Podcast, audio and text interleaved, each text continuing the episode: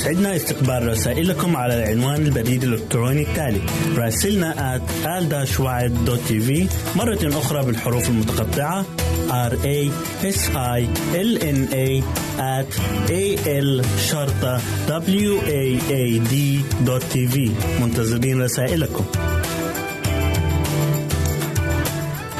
يمكنك استماع وتحميل برامجنا من موقعنا على الإنترنت www.awr.org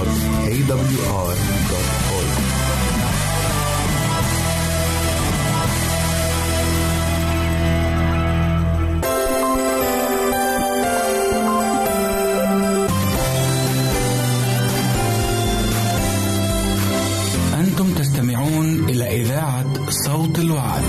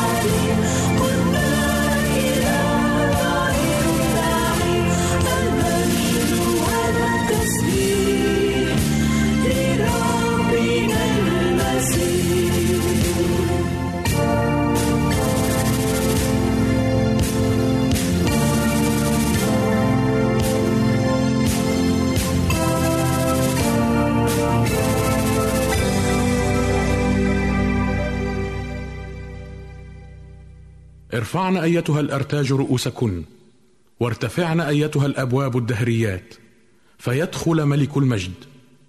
من هو هذا ملك المجد؟ الرب القدير الجبار الرب الجبار في القتال.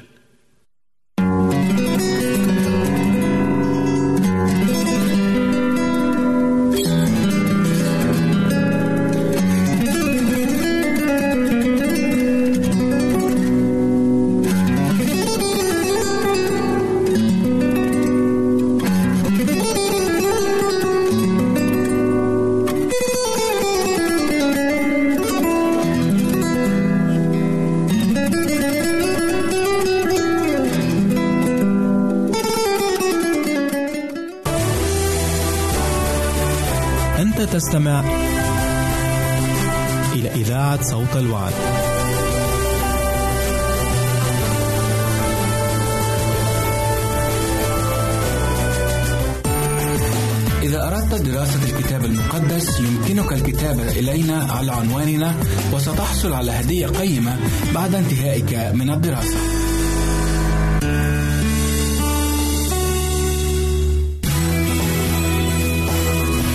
يمكنك استماع وتحميل برامجنا من موقعنا على الإنترنت www.awr.org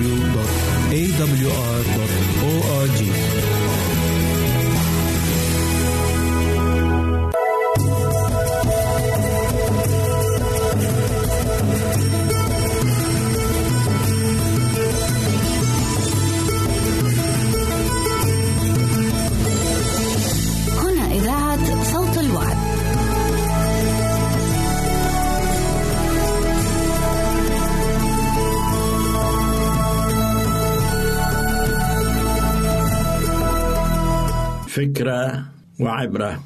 صبر أيوب. من هو أيوب؟ أيوب إنسان فوق العادة ورجل ليس كغيره من الرجال وعاش الصبر بكل جوارحه فصار يضرب فيه المثل. يا صبر أيوب كان يعيش في أرضه وكان كاملا ومستقيما يتقي الله ويحيد عن الشر. اشتكى الشيطان على أيوب قائلا هل مجانا يتقي أيوب الله؟ إن هذه الشكوى التي قدمها المدعي على رجل الله قبل آلاف السنين ما زالت تقدم على أولاد الله اليوم. هل مجانا يتقي فلان الله؟ هل مجانا يبشر؟ وهل مجانا يعظ؟ ولكن كما اندحر الشيطان قديما لا بد له من أن يندحر اليوم أيضا. سمح الله للشيطان أن يستعمل كل ما عنده من قوة وسلطان لا ليبرهن للشيطان بل ليبرهن للعالم عبر العصور أن هناك أناس أمناء لله كأمانة البوصلة إلى القطب الشمالي. تماما كأمانة أيوب لخالقه. لم يكن الشيطان وحده يعمل ضد أيوب بل أصدقاؤه الذين كانوا يعتبر يعتبرون أنفسهم أصدقاء. فيصدق بهم قول الشاعر ما أكثر الأصحاب حين تعدهم ولكنهم في النائبات قلائل. الغريب في الأمر أن زوجته التي كان من واجبها أن تكون إلى جانبه في السراء والضراء ولكنها انقلبت ضده. قالت له إلعن الله ومت. بلدد الشوحي ألفاز التيماني وسوفر النعماني أي شر عمله حتى أن الله يعاقبه؟ هؤلاء أصدقاء أيوب أخذ السبئيون البقر والحمير وضربوا الغلمان.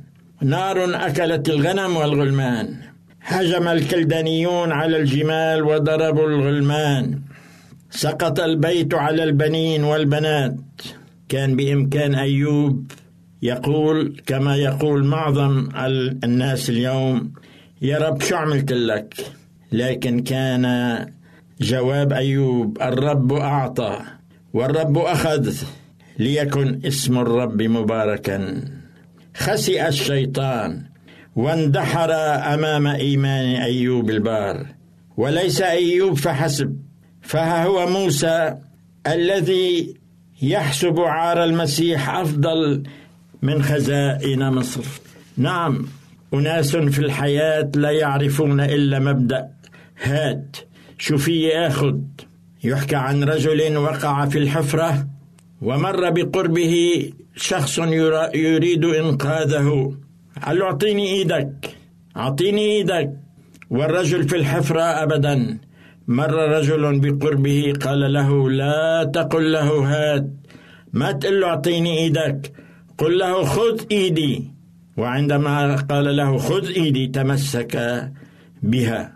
سفر الأعمال إصحاح 20 عدد 35 مغبوط العطاء أكثر من الأخذ. مزمور 37 25 أيضا كنت فتى وقد شخت ولم أرى صديقا تخلي عنه ولا ذرية له تلتمس خبزا. كل ما في الطبيعة يعيش بمبدأ العطاء.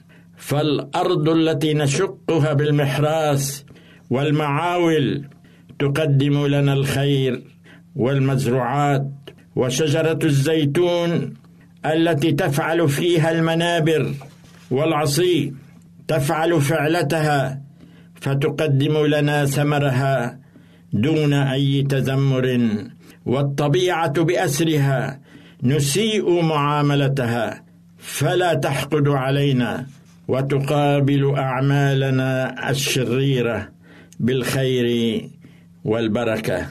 أخي الحبيب لم تكتب قصة أيوب هكذا كمجرد قصة للتسلية بل أعطيت درسا لنا لتعلمنا أنه ما بعد الضيق إلا الفرج وأن الذي يصبر إلى المنتهى فهذا يخلص.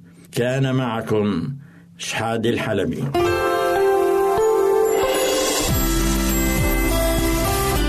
هنا إذاعة صوت الوعد. لكي يكون الوعد من نصيبك. أعزائي المستمعين والمستمعات يسعدنا استقبال رسائلكم على العنوان البريد الإلكتروني التالي راسلنا at al مرة أخرى بالحروف المتقطعة R A S I L N A at A L شرطة W A A D منتظرين رسائلكم. يمكنك استماع وتحميل برامجنا من موقعنا على الإنترنت www.awr.org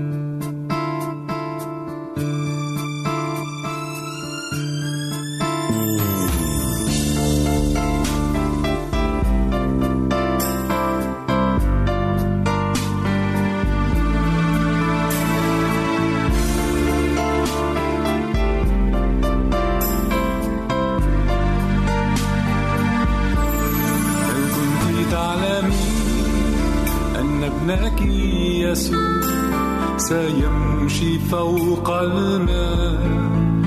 هل تعلمي أن ابنك الحبيب يخلص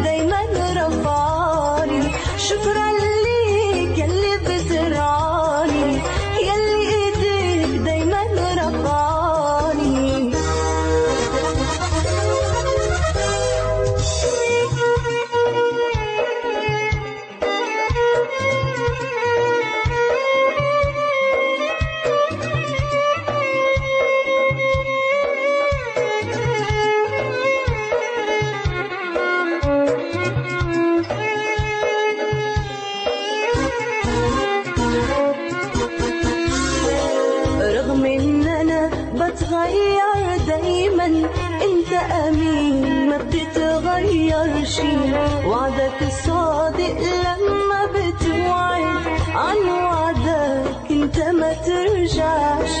رغم ان أنا بتغير دايما انت أمين ما بتتغيرش. وعدك الصادق لما بتوعد عن وعدك انت ما ترجعش.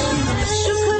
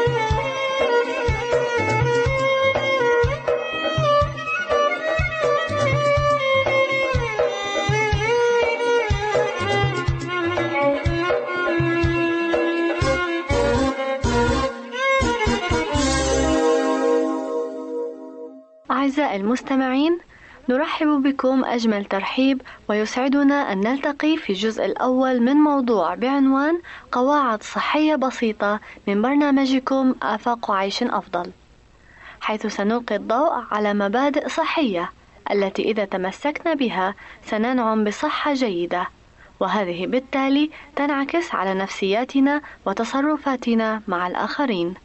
فأتمنى لكم مع هذه القواعد الصحية في سلسلتنا الجديدة كل العافية والسعادة إذ تطبقونها في حياتكم اليومية.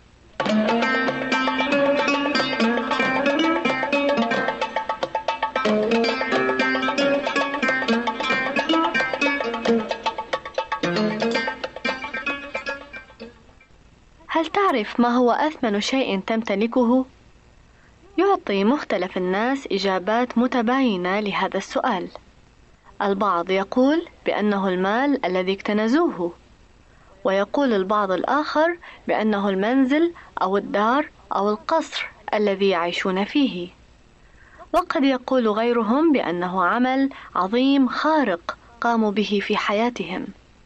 ولكن نحن نعتقد بأن أثمن شيء ليس واحد من الأشياء الثلاثة السالفة الذكر، إنهما شيئان لا غير، وهما الصحة والأخلاق. وصحة المرء الكاملة تتضمن أكثر من الخلو من الأمراض. قد تعرف أناسا يتفاخرون بأنهم لم يمرضوا يوما واحدا في حياتهم، مع أنهم يشكون من علة هنا وهناك. ويلقون بظلالهم حيثما حلوا. الصحة الكاملة تجعل المرء يشع إحساسا سويا وقوة وحيوية. فالشخص الصحيح لديه احتياطي ملحوظ من الحيوية والطاقة حتى بعد تأدية عمل شاق ليوم طويل. كيف يتسنى لنا صحة وعافية كهذه؟ هذا ما نود أن نتحدث عنه اليوم. استمع إلى ما جهزنا لك وستسعد كثيرا لأنك قررت الاستماع.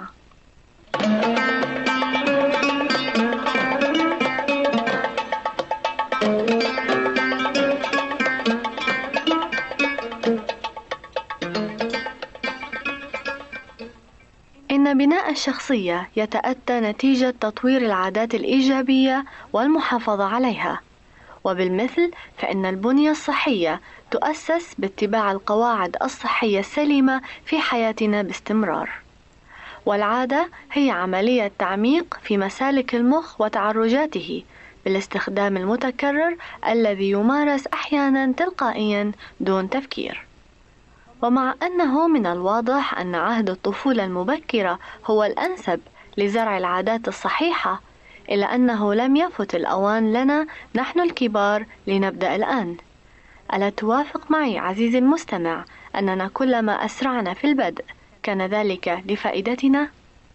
إننا لو كنا قد تورطنا في عادات وممارسات مدمرة للصحة فسيكون الوقت قد حان الآن لكي نسير على أسس صحية سليمة. وكما أن كل حكومة تحفظ كيانها بواسطة قوانين ودساتير متعارف عليها فسر المتعة الصحية يكمن في إطاعة قوانين الصحة والحرص على بناء العادات الصحية السوية. إن التعدي على العادات الصحية السليمة يدمر كيان الجسم. سنراجع معكم اليوم وفي حديثنا هذا بعض هذه القوانين البسيطة اللازمة لعيش حياة صحية. استمعوا جيدا لأن كل هذه القوانين مهمة على حد سواء. وهذا البرنامج الإذاعي قد يقلب الحياة رأسا على عقب ويحدث تغييرا جذريا لك إذا ما أصغيت واتبعت هذه القوانين بأمانة. إذا كان بمتناول يدك ورقة وقلم فنقترح عليك تدوينها. أما إذا تعذر الأمر فسنرسل لك نسخة مطبوعة منها حين تطلبها. وسنذيع عنواننا خلال البرنامج حتى يتسنى لك كتابته. والآن إليك بعض القوانين.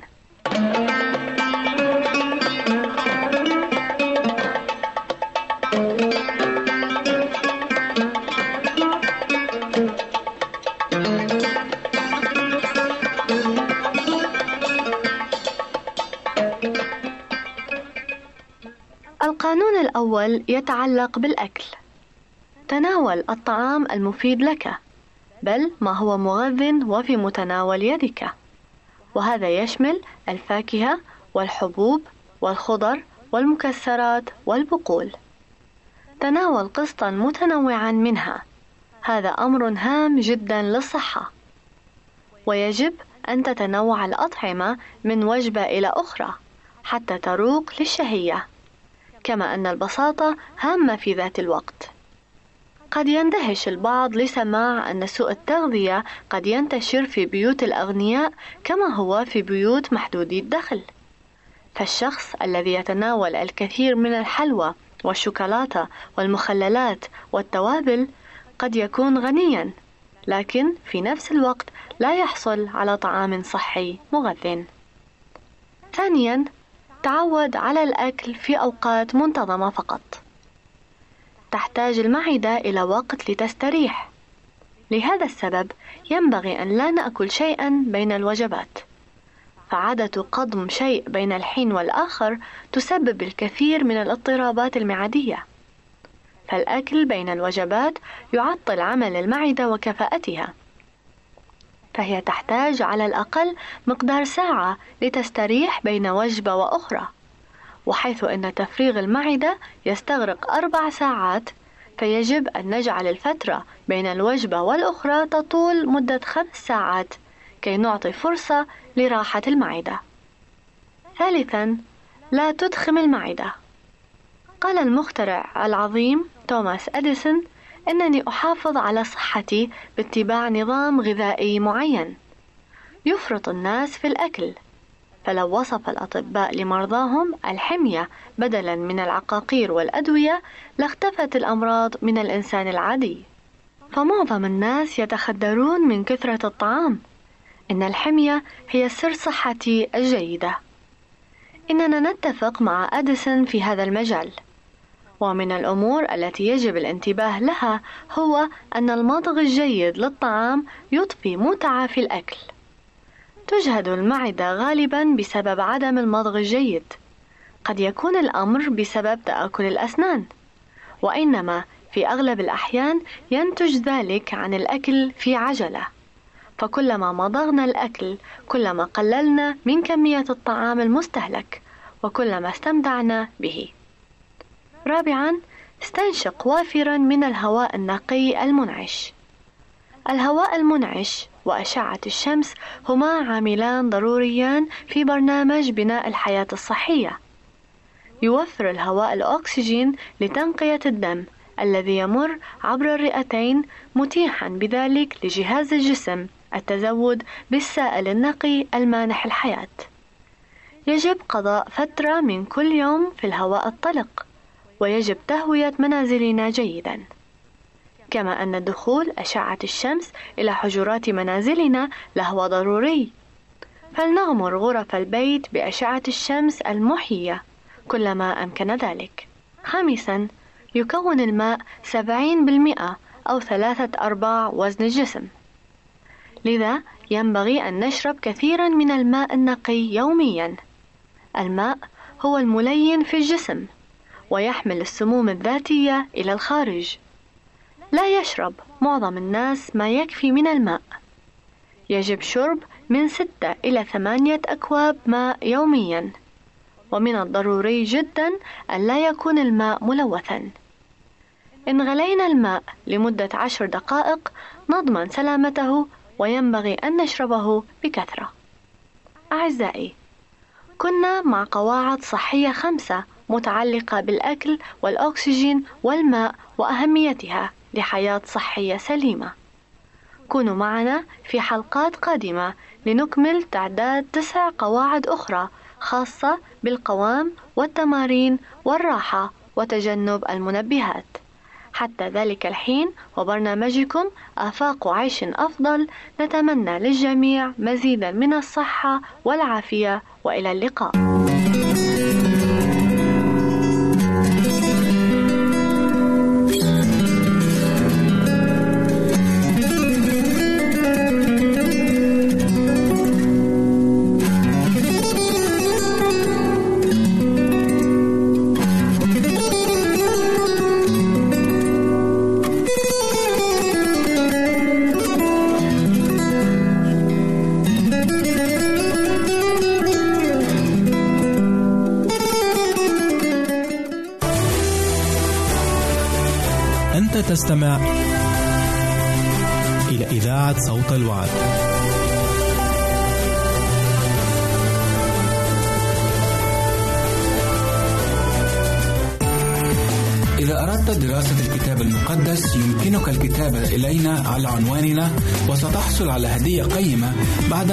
من الدراسة.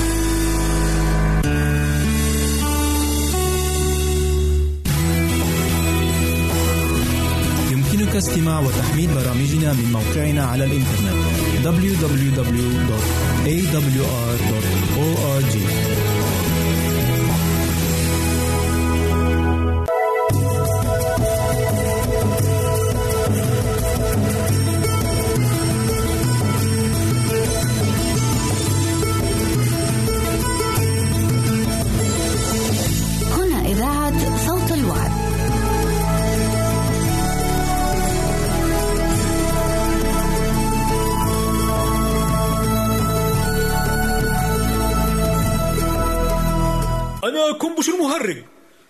ضحك اللي بيتفرج. صح صح النعسان وشجع الغلبان. وجيت لكم أهو في العيد بلبس الفوسفوريكو الجديد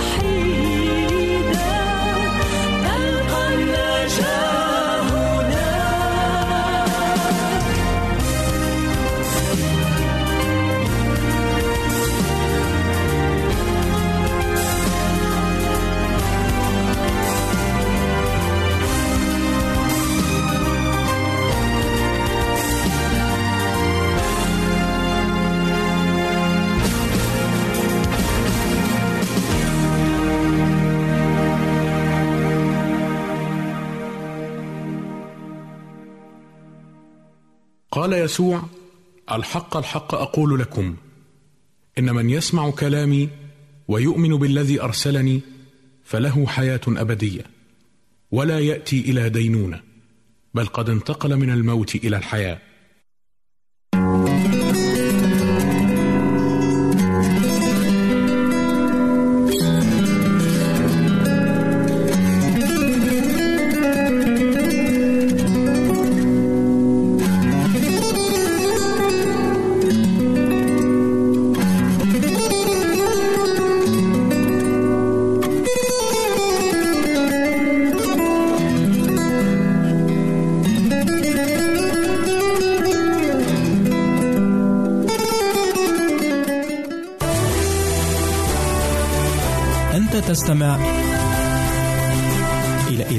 صوت الوعد.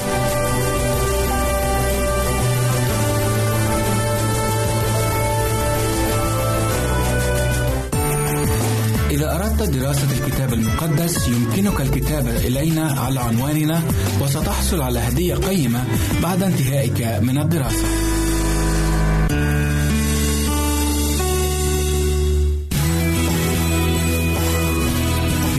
يمكنك استماع وتحميل برامجنا من موقعنا على الإنترنت www.awr.org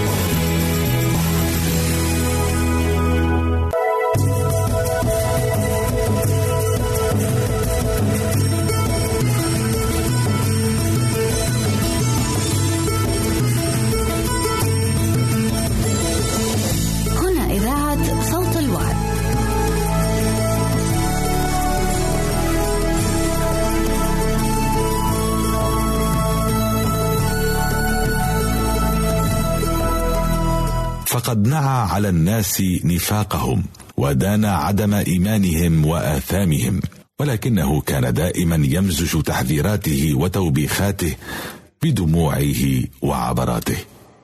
ومن ذلك أنه بكى على أورشليم المدينة التي أحبها مع أنها لم تقبله وهو الطريق والحق والحياة ولقد عامل قومه بكل رفق وحنان مع أنهم رفضوه.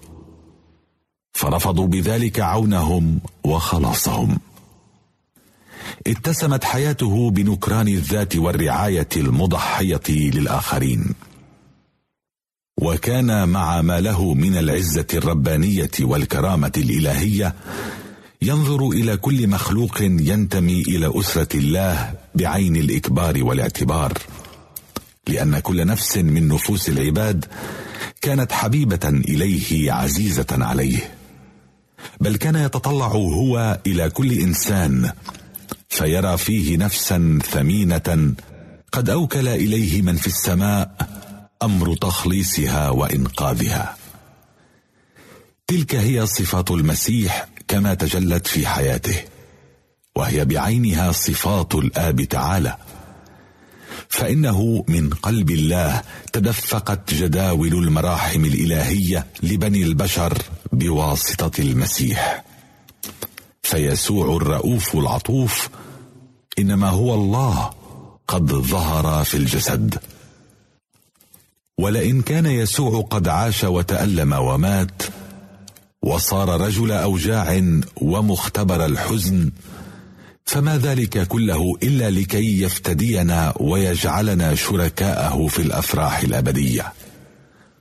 وهكذا سمح الله تعالى بأن ينزل ابنه الحبيب مملوءا نعمة وحقا من عالم المجد الفائق إلى عالم ملوث بالإثم وموبوء بالخطية إلى أرض قد غطاها سواد الموت وغشتها أشواك اللعنة. بل هكذا سمح الله لابنه الوحيد بأن يترك أحضان المحبة الأبوية وما يحف به من العبادات الملائكية لكي يأتي إلى بني البشر حيث هم محتملا منهم العار والهوان والكراهية والنكران.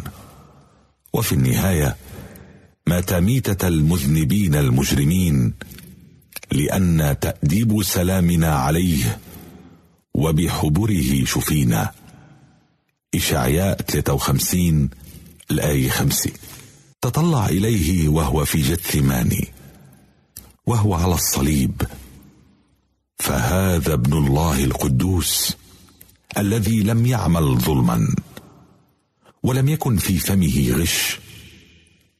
قد ناءت كاهلاه تحت أعباء اللعنة وأثقال الخطيه ثم انظر إليه ثانية.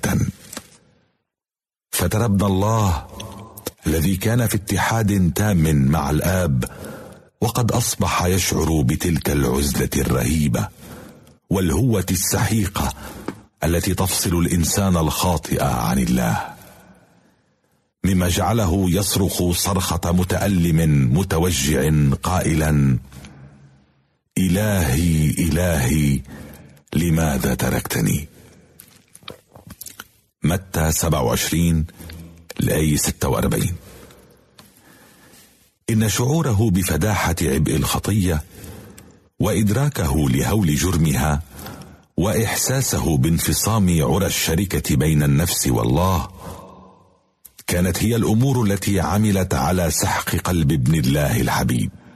على أن هذه التضحية العظمى لم يأتها الابن ليخلق في قلب الآب محبة للإنسان ولم يقصد بها أن يجعل عند الآب الرغبة في العمل على خلاص الإنسان.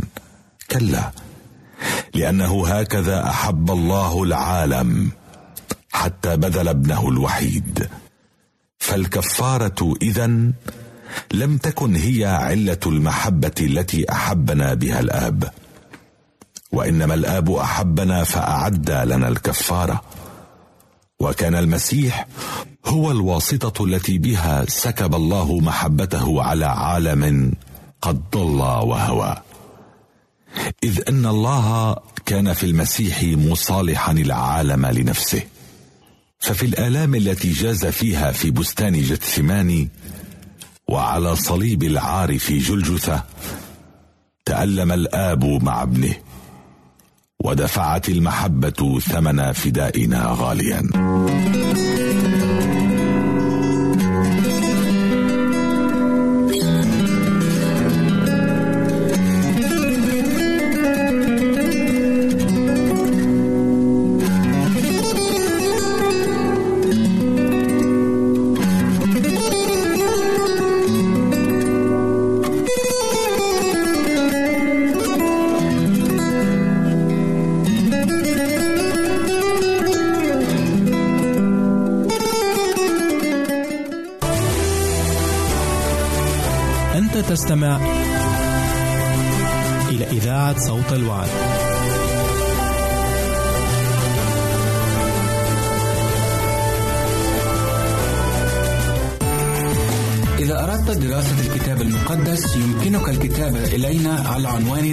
وستحصل على هدية قيمة بعد انتهائك من الدراسة.